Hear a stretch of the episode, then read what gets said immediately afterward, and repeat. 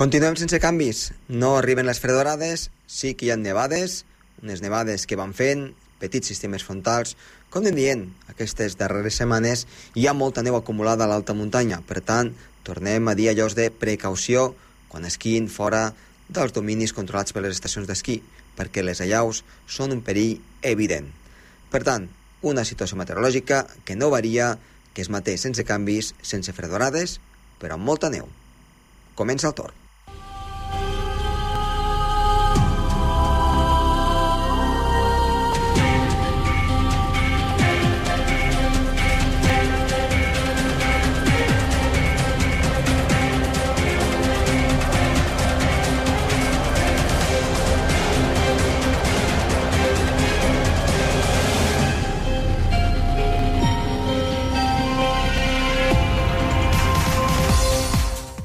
Què tal? Molt bona tarda. Moltes gràcies per escoltar-nos des de l'altre costat, ja sigui per internet o bé des del seu aparell de ràdio. La situació meteorològica, ja ho saben, doncs continua sent eh, força variable, però sembla que el cap de setmana de ser una mica més tranquil i això és una bona notícia, si més no perquè portem molts i molts dies amb aquesta previsió d'inestabilitat. Avui parlarem precisament d'una inestabilitat que vam tenir al llarg d'aquesta setmana, una vecció d'aire càlid que ens va donar doncs, una mica de calitja i sobretot un, un aire una mica contaminat. Parlarem de tot això amb en Roger Soler i també parlarem amb Jordi Lorente, parlarem de com es treu la neu a Sant Julià i quin és el clima de Sant Julià d'aquesta parròquia tan peculiar que és mediterrània però alhora d'alta muntanya. Per tant, un programa que pensem que ha de ser molt interessant per a tots vostès.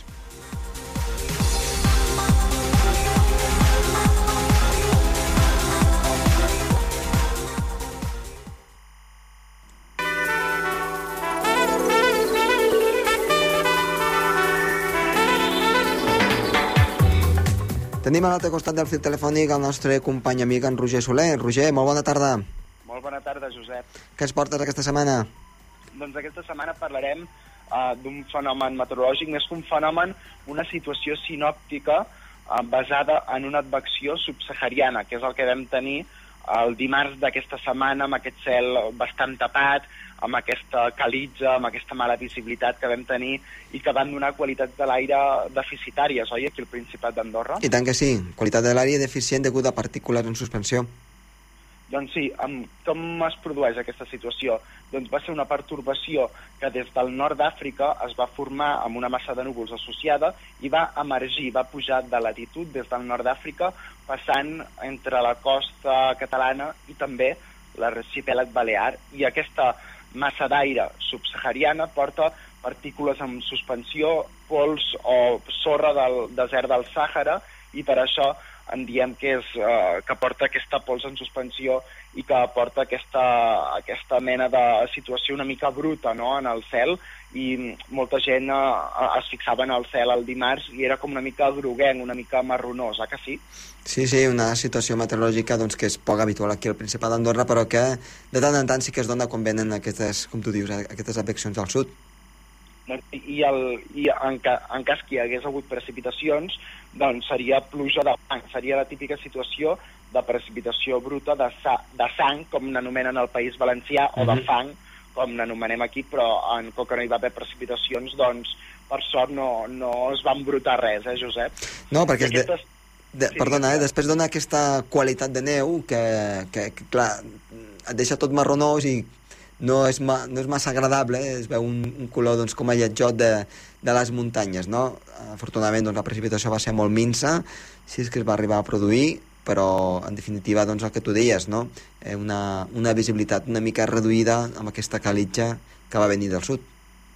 Doncs sí, i tot això, tot plegat, amb temperatures no massa, no massa baixes, no? perquè aquests vents de component sud doncs, fan que la, la massa d'aire sigui més aviat temperada i amb poca amplitud tèrmica, quan passa això hi ha poca amplitud tèrmica entre les temperatures mínimes i les temperatures màximes. De nit no va poder baixar molt el termòmetre a causa de l'advecció del sud i de la presència de nebulositat, i de dia doncs, les temperatures van ser relativament suaus, tot i que tampoc no van poder enfilar-se massa a causa de l'absència de radiació solar. Doncs sí, aquesta va ser la situació meteorològica que van, van patir i que, com a anècdota, doncs, que, que vam tenir. I va donar imatges molt maques del satèl·lit Meteosat, eh? aquesta, aquesta advecció, eh, això ho vam una mica destacar en la informació del temps, amb aquestes doncs, eh, núvols molt compactes, molt blancs, però que en definitiva poc donaven de sí en quant a, en quant a precipitació. Doncs sí, sí, ja vaig veure la imatge i també en la imatge infrarroja del satèl·lit Meteosat es podia detectar els núvols que, bruts, els núvols de pols en suspensió que es veien de color rosa en aquest cas, no sé si ho vas veure. Sí, sí, la, la, la situació veritablement era doncs, una mica de llibre no? de, per tenir-la fotografiada i per poder-la explicar doncs, quan succeeix una cosa com, com aquesta que afortunadament doncs, no porta res més que una mica de, de contaminació, en aquest cas pols que ve del Sàhara, i que causa una mica la guitza si hagués arribat a ploure degut doncs, amb aquesta, amb aquesta doncs, pols en suspensió que, com tu dius, hagués embrutat roba i especialment doncs, els vehicles. Doncs sí, doncs així va ser la situació, Josep. Doncs, uh, Roger, moltes gràcies i t'esperem la setmana vinent amb, amb més notícies i novetats d'ordre meteorològic. Molt bé, que vagi bé. Adeu. Adeu.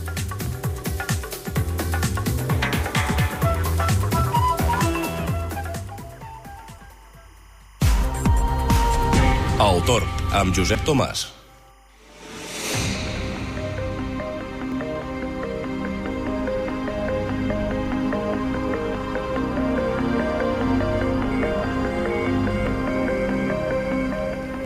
En l'entrevista d'avui anem a fer doncs, una menció especial al que és la parròquia de Sant Julià i en aquest cas ens en anem a parlar amb en Jordi Lorente, ell és aficionat a la meteorologia, ara ens explicarà doncs, totes les vicissituds d'aquesta parròquia meteorològicament parlant i també treballador del COEX especialment a l'hivern amb les màquines de la neu. Jordi, molt bona tarda i gràcies per estar aquí al programa Tor. Hola, molt bona tarda.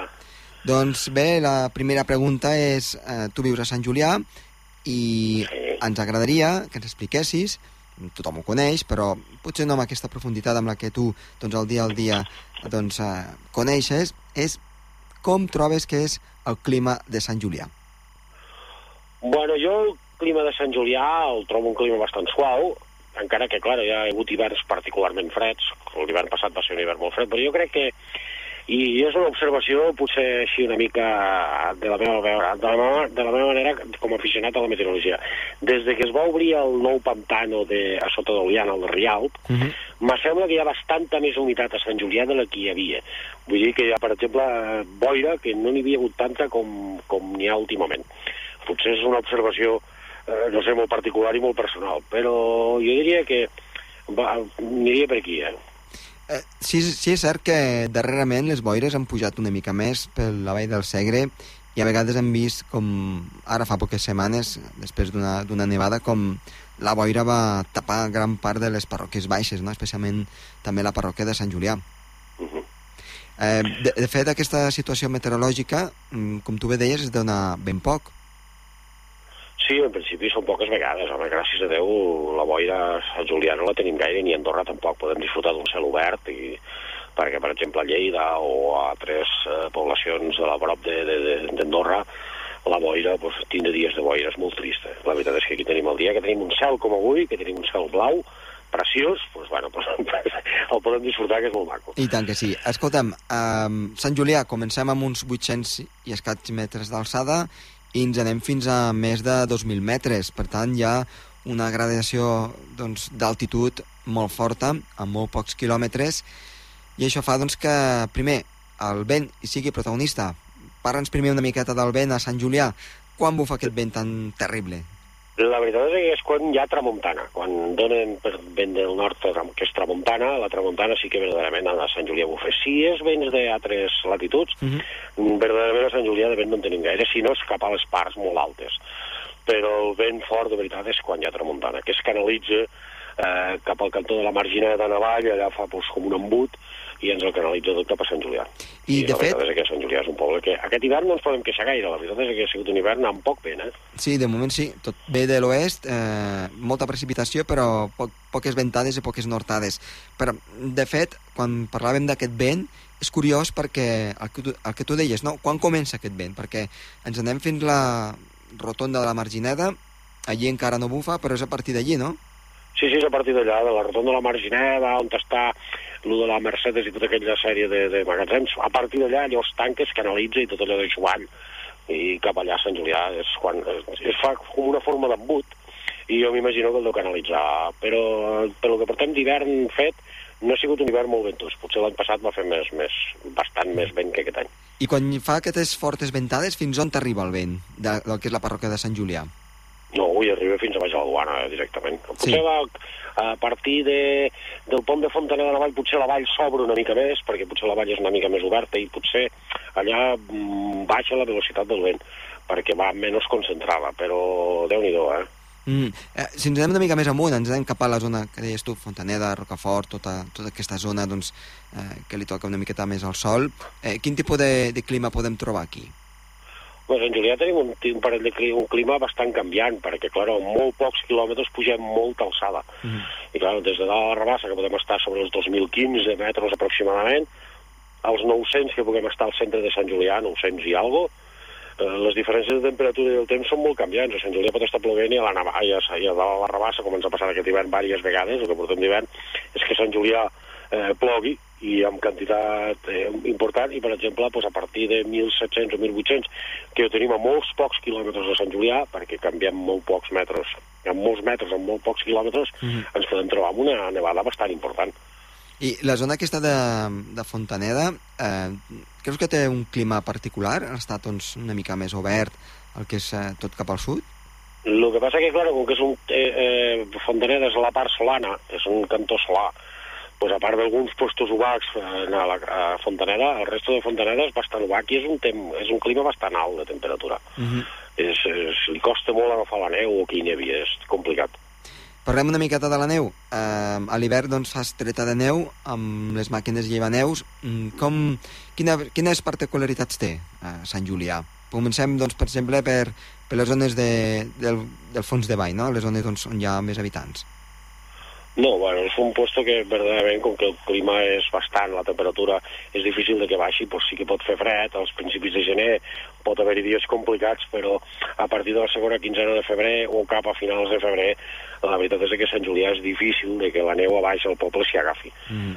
Però si al mes de gener o finals de desembre eh, neve Sant Julià, si pot fer un hivern fred, eh, podem tindre algun tipus de problema. El que passa que, claro, els recorreguts als pobles que hi ha a Sant Julià són recorreguts molt llargs i la veritat és que hi ha distàncies bastant importants per poder fer tots els pobles. És complicada la treta de neu a Sant Julià. Clar, és que nosaltres pensem Sant Julià com al fons de vall, però si mirem doncs, amb una mica més de detall la parròquia, la seva geografia, veiem el que tu deies abans, no? aquesta diferència d'altitud entre els 900 metres i els més de 2.000 metres, i per tant les carreteres que per allí van doncs, eh, tindran la seva complicació, tant en una banda com en una altra, i especialment a l'alta muntanya. Com és aquesta complicació, especialment a la zona, per exemple, de la Rabassa? Bueno, la complicació és que Sant Julià, al cantó de la Rabassa, si ve la neu del cantó sud, que ve neu del cantó d'Espanya, pues, se n'hi pot acumular bastanta de neu. Eh, no, I la precipitació pot ser bastant important. Hi ha hagut anys que la precipitació venint de, de, del sud Sí. eh, ha sigut grossa, ha sigut molt important. El que passa és que, clar, com, com que és bastant solar, pues la neu s'hi acumula, a la que surt una mica el sol, pues la neu li costa aguantar-s'hi, Mhm. si no és que faci molt de fred. El que passa que, clar, també tenim parts a Sant Julià, amb la treta de la neu, que gràcies a Déu de que Sant Julià pues, la, la gent que ens hi dediquem, bueno, que s'hi dedica, que no estic sol, eh, que hi ha més gent, el COEX pues, verdaderament es fa una feina molt important amb la treta de neu, ja que, per exemple, també obrim els de Civis, obrim Canòlic, obrim Aixàs, eh, Fontaneda, s'obren parròquies complicades i molt vagues, eh? Mm. Ah, Parla'ns una mica d'aquesta zona doncs, que ens anem cap a Cessarri, cap a tota aquesta àrea més ovaga. Mm, veritablement, allí la situació deu ser força complicada amb el riu, doncs, en què fa doncs, que pràcticament no hi toqui el sol durant tot el dia, no? el que de, ara deies, cap a Canoli, cap a Os de Civís. Potser és la, el punt més complicat de tota la parròquia? Mm, La veritat és que més que per és pel gel, perquè hi ha postos pujant, per exemple, a Os de Civis o a o Juberri, Sí. que, per exemple, no hi ha absolutament ni gota de, de, de, de sol, o sigui, no hi toca el sol absolutament cap dia a l'hivern en cap moment. I, clar, pues, la veritat és que el gel i la neu pues, costa treure-la, la veritat és que s'acumula molt. La gent que viu allà pues, ja estan habituats i la veritat és que bueno, el COEX fa una feina molt important amb aquestes carreteres perquè hi hagi seguretat a part de que la gent el que han de fer pues, bueno, en temps d'hivern és eh, prendre precaució i no, i anar amb cuidado. I anar, anar amb els equipaments adequats, no?, sobretot. Sí, sí, per viure puestos aquests així, aquí a Andorra s'ha d'anar equipat, perquè el matí no saps com tu trobaràs.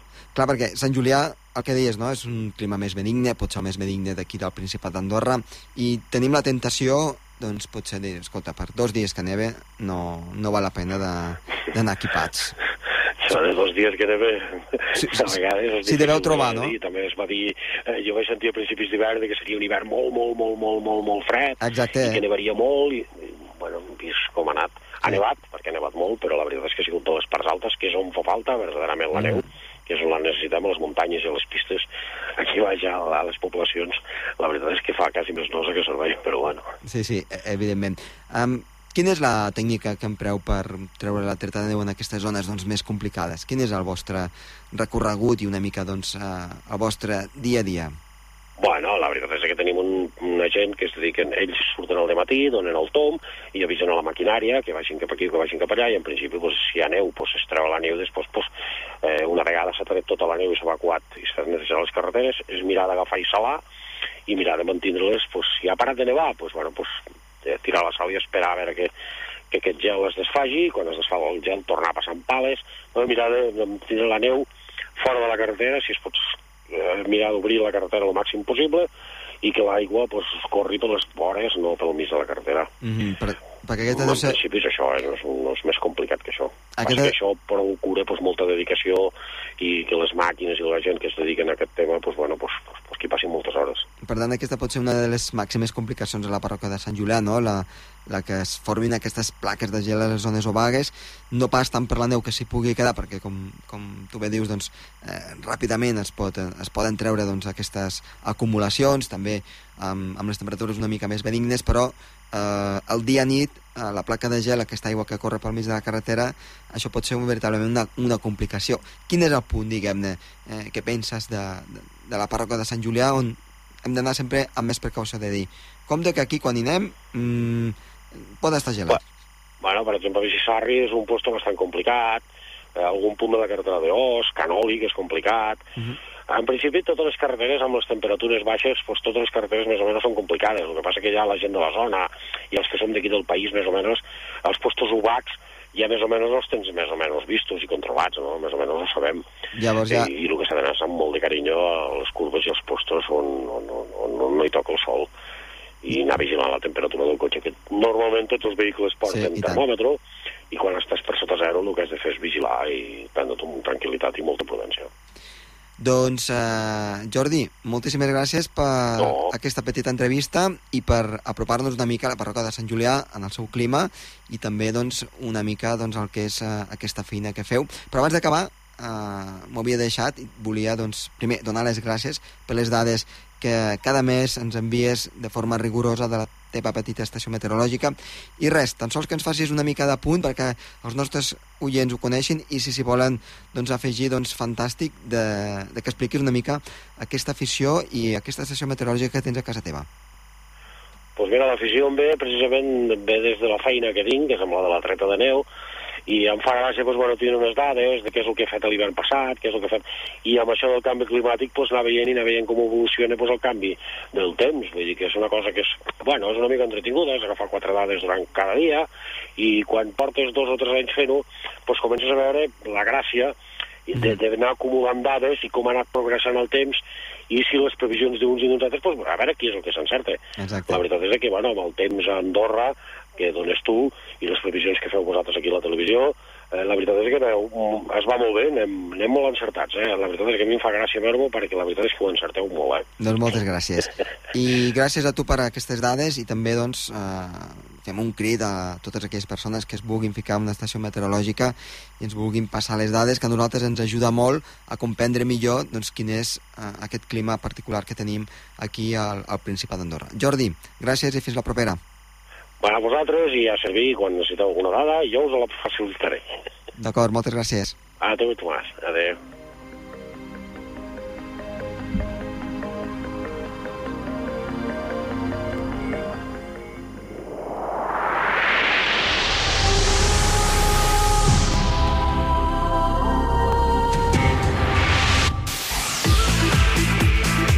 Doncs som-hi perquè tenim molt bones notícies. Ara mateix, a poc a poc, es va acostant un sistema frontal, un front que no ha de ser massa important, però sí que porta, després d'aquestes temperatures avui primaverals, que hem arribat als 12-13 graus al sud del país, i també fregant aquests 10 graus a parròquies altes, entre els 4 i 6 graus, per exemple, a 2.000 metres d'alçada. Ja aquesta propera nit i especialment aquesta matinada de ball en les temperatures, s'acosta aquest sistema frontal que ha de donar alguna feble precipitació. Poca cosa, però això sí, cota 10, 1.800 metres, baixant ràpidament cap als 1.400 i al llarg de la matinada fins i tot situant-se cap als 1.200 a 1.000 metres d'alçada. Una precipitació que pot ser una mica més moderada, per dir-ho d'alguna manera, cap al nord i força feble cap al sud. No ha de ser un sistema frontal massa, massa actiu. Per tant, un sistema frontal de passo cada emboli, però això sí, que ens creua, que dona precipitacions en aquestes properes hores, especialment a l'alta muntanya, i demà encara ens afectaria com a mínim fins a migdia, a partir ja de mig matí migdia, cap al sud del país, obrint-se clarianes, unes clarianes que cada cop seran més evidents, demà amb temperatures baixes a tota l'alta muntanya, per tant, caldrà abrigar-se, i amb vents que giran a component nord-nord-oest una mica moderats, precaució en aquest sentit. El que dèiem, bones notícies perquè, atenció, al cap de setmana, un cap de setmana que ve molt i molt bé. El dissabte al matí, alguna nuvolada encara, de retenció cap al nord, un vent de component nord però amb tendència a fluixar, i cada cop més sol. I és que, de fet, la situació meteorològica ve encapçalada per una falca anticiclònica tot el cap de setmana. I, per tant, això és una bona notícia perquè feia pràcticament des que hem començat l'hivern que no teníem un cap de setmana doncs, amb aquestes característiques. Dissabte, les temperatures a primera hora força baixes, negatives totes elles. A l'alta muntanya, 8, 10, 12 graus sota zero poden sovintejar aquestes baixes temperatures, però de fet, al llarg del dia aniran remuntant, es quedaran sota zero per damunt dels 1.800-1.700 metres. Malgrat tot, seran de l'ordre de 0 a 2 graus sota zero en aquestes alçades. A l'alta muntanya seran, evidentment, una mica més baixes. I pel que fa doncs, a la tarda de dissabte, a mesura que vagin remuntant aquestes temperatures, el sol s'imposarà, per tant la situació serà cada cop més i més tranquil·la. Diumenge, una situació encara més anticiclònica, les mínimes ja no han de ser tan baixes, remunten, i passem dels 8, 10, 12 graus sota zero entre els 4 a 6 graus negatius en zones elevades del país, evidentment, i també dels dominis esquiables. Per tant, les temperatures negatives estan garantides, però no seran potser tan extremes. Qualitat de la neu, evidentment, pols, una situació meteorològica que serà una mica més benigna, per tant, pugen les temperatures i el sol s'imposarà durant tota la jornada. Dos recomanacions. La primera d'elles, atenció, amb el perill de llaus estan en aquest moment en nivell 2 sobre 5, per tant un perill únicament marcat, però en algunes vessants aquest nivell és 3 i 4, per tant no es refiïn si van esquiar fora dels dominis esquiables de les estacions d'aquí, d'aquí del Principat d'Andorra. I l'índex ultraviolat puja una mica a 3, per tant ja crema sola quan vagin a l'alta muntanya perquè el sol ja comença a cremar.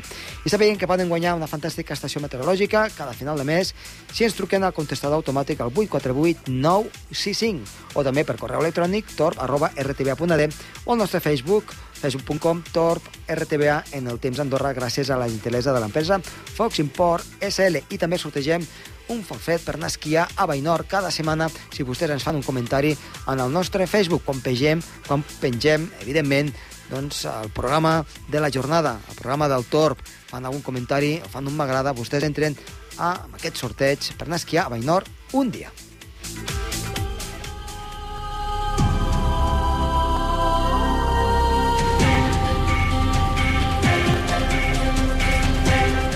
I fins aquí la informació meteorològica del Torb, el programa Torb. Estem contents de que hagin estat a l'altre costat, que ens hagin escoltat. Els esperem dijous vinent. Ha estat a les vies de so Andreu Trastoi i que us l'ha parlat amb molt de gust Josep Tomàs. A reveure.